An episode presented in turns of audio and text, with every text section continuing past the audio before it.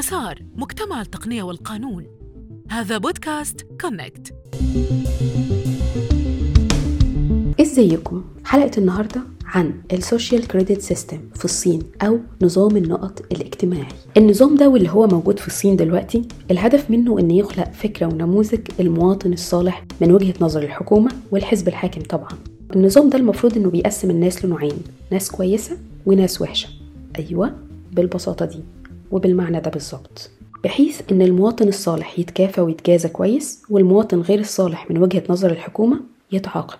لكن إيه اللي يخلي أي مواطن في الصين هو مواطن صالح؟ تعالوا كده نشوف. مثلا لو المواطن ده بيحترم والديه ما بيكسرش شرط المرور. بيدفع كل الفواتير اللي عليه مثلا. المواطن اللي بيعمل كده بشكل أساسي بيتجازى على سلوكه ده. لكن إيه هو نوع المكافآت؟ أول حاجة إنه بيتسمح له إنه يشتري تذاكر قطر النوم المريح لو محتاج يسافر أو إنه يبقى سهل عليه إنه ياخد قرض من البنك في حين إن المواطن غير الصالح. من وجهة نظر الحكومة مش هيبقى قادر يعمل ده. لكن تعالوا نعرف إيه اللي يخلي أي حد في الصين مواطن غير صالح. أول حاجة مثلا إنه يغش في امتحانات التقديم للجامعة يحمل أفلام بطريقة غير قانونية. أو اللي مراته خلفت أكتر من عدد الأطفال اللي الدولة سمحت لهم بيه. لكن هو إزاي حتى بيحدد أو الحكومة والنظام في الصين بيعرفوا لو الشخص ده عمل حاجة تحطه في خانة المواطن الصالح أو غير الصالح. كل ده بيتم عن طريق نظام وتكنولوجيا متطورة. تطبيق لازم كل المواطنين في الصين يحملوه. والتطبيق ده في أوقات كتير ممكن يقترح على الناس هناك إيه الحاجات اللي ممكن يعملوها عشان يحسنوا بيها السكور بتاعهم. التطبيق ده كمان بيقول لك لحظة ما بتتحول فيها من مواطن صالح لمواطن غير صالح أو مواطن أهل للثقة لمواطن غير أهل للثقة. Connect متاح على Google Podcasts و Apple Podcasts و Anchor وعلى موقع مسار.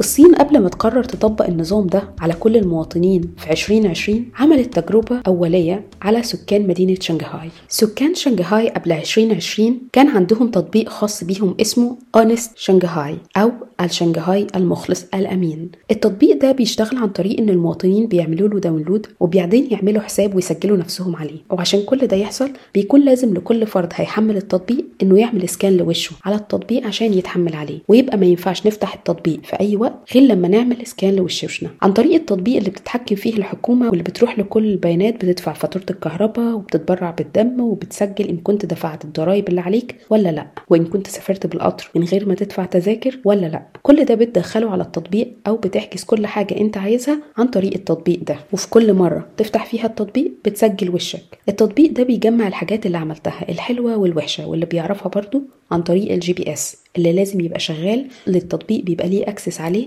عشان يسجل حركتك. التطبيق كمان بيحتفظ بكل البيانات دي وبيحللها وكمان بيحسبها. عشان يخرج في الآخر بنتيجة رقمية وهي عبارة عن ال score بتاعك واللي بيحدد إن كنت مواطن جيد أو غير جيد. التطبيق كمان بيربط بياناتك كلها ببعضها وبيبقى ما ينفعش تعمل أي خدمة أو تدفع أي حاجة إلا من خلال التطبيق ده. على سبيل المثال في شنغهاي وقت لما تصمم التطبيق المواطنين اللي بيتم تصنيفهم على إنهم مواطنين صالحين كان بيتم إعفائهم من دفع القيمة الإلزامية في حالة الاشتراك في المكتبة العامة واللي كانت هناك وقتها 100 ين يعني 20 دولار. أي مواطن بيسجل نفسه في التطبيق ده لأول مرة بيبدأ من عند 1000 نقطة والنقط دي بتكتر أو تقل حسب سلوكهم وتصرفاتهم اللي بيحسبها عليهم التطبيق. يعني مثلا أي حد بيبقى أعلى من 1050 نقطة على التطبيق ده بيبقى معناه إنه مواطن أكتر من مميز وبيبقى مواطن مثل أعلى لغيره وللمجتمع اللي عايش فيه. التصنيفات في التطبيق ده متنوعة. يعني مثلا كل الناس أول ما بتسجل بتبدأ من عند 1000 نقطة. لو حد وصل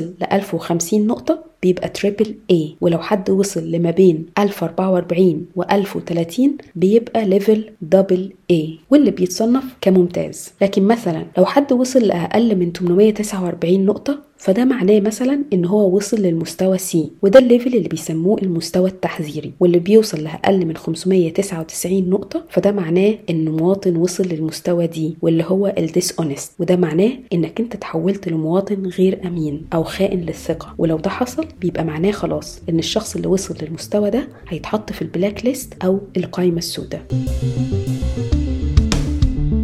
القائمة السوداء دي قائمة موجودة بالفعل وأي اسم بيتحط فيها بيوصل بيه notification أو تنبيه لكل الناس وبيبقى الشخص ده مستحق للمراقبة الكاملة طول الوقت. اللي بيحصل دلوقتي في الصين إنك لو عديت الشارع غلط في غير إشارتك بتخسر نقط. لو في حد نسي يشيل مخلفات الكلب بتاعه في الشارع بيخسر نقط. لو حد دلق مية قدام بيته بيخسر نقط. أي حد بيخسر نقط بيوصل تنبيه فوري لده لكل الناس والجمهور وبتبدأ الناس تتكلم عنه ويحاولوا يتحاشوه أو يتجنبوه لأنك كمان ممكن تخسر نقط لو صحابك أو الناس اللي تعرفهم وبتقابلهم بيتصنفوا على إنهم غير مخلصين. مش بس كده التطبيق ده كمان حول كل واحد لرقيب على جاره أو الشخص اللي جنبه. ليه بقى؟ يعني مثلا لو أنت شفت جيرانك بيعملوا حاجة التطبيق والحكومة بتصنفها على إنها سلوك غير جيد ممكن تسجلها وترفع فيديو أو صورة للتصرف ده. وبكده تكسب نقط زيادة. الموضوع مش بس خسارة أو مكسب للنقط لكن كمان لو في أي فرد منتمي لعيلة أو community معين عمل حاجة غلط وما تبلغش بيها المجموعة كلها بتتعاقب.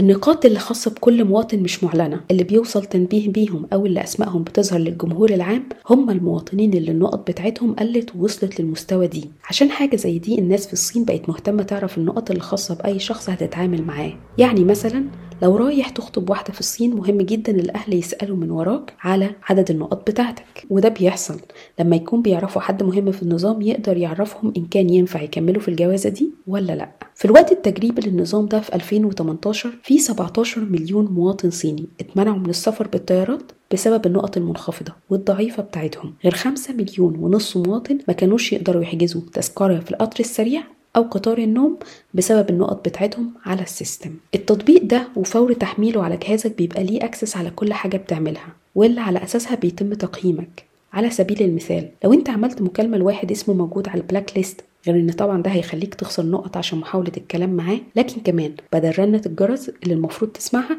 هتسمع رسالة بتقولك إن الشخص اللي بتحاول توصله اسمه موجود في قائمة الأشخاص اللي خانوا وكسروا الثقة. الشخص اللي بيخسر نقط بتخليه يوصل للمستوى D واللي هو ال black list فورا وفي نفس اللحظة وعن طريق شركة اتعاقدت معاها الحكومة صورة الشخص نفسه بتتحط جوه ال black list. تظهر على الشاشات العملاقة الموجودة في الشوارع والميادين في الصين. بالطريقة دي الشخص اللي اتحط اسمه في ال black list مش هيقدر يستخبى ولا حتى يخبي الموضوع ده لأن بياناته وصورته هتبقى متاحة وقتها في كل حتة لكل الناس.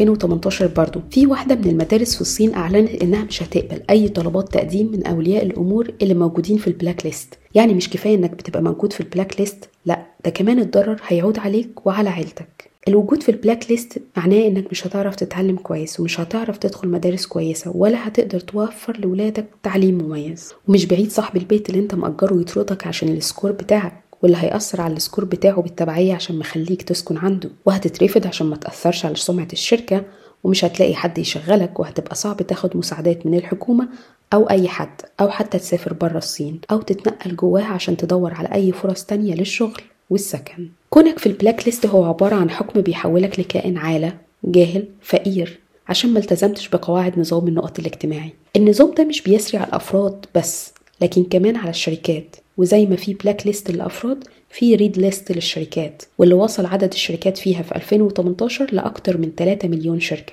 المنظمات غير الحكومية مثلا اللي موجودة في الصين معرضة ومهددة بالإغلاق وإنها تتحط في ال red list لو مارست أو أعلنت عن أي نشاط بيهدد سلامة ووحدة المجتمع الصيني للخطر. من وجهة نظر الحزب الحاكم طبعا واللي ممكن يكلفها خسارة 100 نقطة. كمان ممكن تخسر 100 نقطة على الأقل لو المنظمات نشرت معلومات مغلوطة عن الصين. من وجهة نظر الحزب الحاكم برضه. ولو المنظمات دي حاولت في أي لحظة إنها توجه نقد للرئيس أو للحزب الحاكم ده بيعرضها لخسارة نقط كتيرة. لكن زي ما المنظمات غير الحكومية تقدر تخسر نقط بالشكل ده في طرق تانية تقدر تكسب بيها نقط. زي إن هم يعملوا خلايا للحزب الحاكم على الأرض. نظام النقط الاجتماعي ده أو ال social credit system مش نظام اجتماعي أو الغرض منه بناء الثقة زي ما الصين بتحاول تروج له. لكن النظام ده غرضه الأساسي التحكم في الأفراد وسلوكهم وخلق عادات جديدة أساسها الخوف من الحرمان من المميزات اللي هي بتعتبر في الأصل. حقوق للمواطنين ما ينفعش حد يتساوم عليها. في الآخر معايير الثقة اللي بيحددها هو الحزب الحاكم مش الناس ولا منظومة قيم متعارف عليها. يعني مثلا التطبيق ده لو رصد إنك شاركت في طقوس دينية غير مصرح بيها ده معناه على الأقل إنك هتفقد 100 نقطة من حسابك واللي ممكن يعرضك للدخول في القائمة السوداء. ولو أي حد اعترض على سياسات غير عادلة للحكومة أو للحزب الحاكم ممكن يتخصم منه 50 نقطة. وأي حد يحاول المساعدة بيعرض نفسه إنه ينزل فورا للتقييم دي واللي بيعني dishonest أو غير موثوق به وخائن للثقة. النظام ده مش هدفه يبني الثقة بالعكس ده هدفه إنه يحرض الناس ضد بعض. عشان مثلا أنت لو صورت جارك وهو بيرتكب مخالفة ده معناه إنك هتزيد في النقط وهو هيقل غير إنه بيفكك الروابط اللي في المجتمع حتى داخل الأسرة الواحدة وبيخلي الناس تعتمد على تقييمات غير سوية في الحكم على الناس. النظام ده خلق نوع تاني من ال business قائم على شركات تقدر تستعين بيها عشان تحسن لك النقط بتاعتك. زي بالظبط كده لما الناس بتحاول تشتري followers على انستجرام أو تشتري لايكات على الفيسبوك حاجة بالخطورة دي ممكن تتحكم في مصير الناس هناك عشان خاطر حزب حاكم يقدر يبسط سيطرته على سلوك مواطنيه ويعدله ويحفز القيم اللي تصب في مصلحته. ما تنسوش إنكم تقدروا تسمعوا podcast Connect على منصات Google Podcasts و Apple Podcasts و Anchor وعلى موقع مسار. في أسئلة كتير بتدور حوالين النظام ده. وفكرة بناء التقييمات للأشخاص على أساس النقط الخاصة بيهم وشبه انعدام لثقافة الفرصة التانية. بس تعالوا نسأل سؤال مهم. بالنسبة للأشخاص اللي نقطهم مش عالية أو دخلوا القايمة السوداء يا ترى إيه مصيرهم بالنسبة للرعاية الصحية والعلاج خصوصا إن هم هيبقوا الفئات الأضعف في المجتمع؟ هل مثلا في دكتور ممكن يديهم أولوية في العلاج بناء على خطورة حالتهم الصحية مش بناء على نقطهم على ال social credit system بحيث يسبقوا في ال system واحد تاني جاي لهم مريض بس مش طوارئ لكن ال score بتاعه أعلى من الحالة التانية. ال system ده بيحول أي حد معارض أو مختلف مع سياسات الحزب الحاكم والحكومة لشخص مريض جاهل فقير وبيقلل فرص جودة الحياة بتاعته. وبالتالي هو نظام غير عادل. المشروع الصيني ده مش خطورته بس بسبب الانتهاكات اللي بتتم في حق المواطنين والاعتداء على خصوصيتهم وحقوقهم الإنسانية الأولية. لكن كمان مشكلته في إنه قادر على إلهام دول سلطوية تانية في إنها تاخدهم كمثال وكقدوة للسيطرة على شعوبهم ومواطنيهم.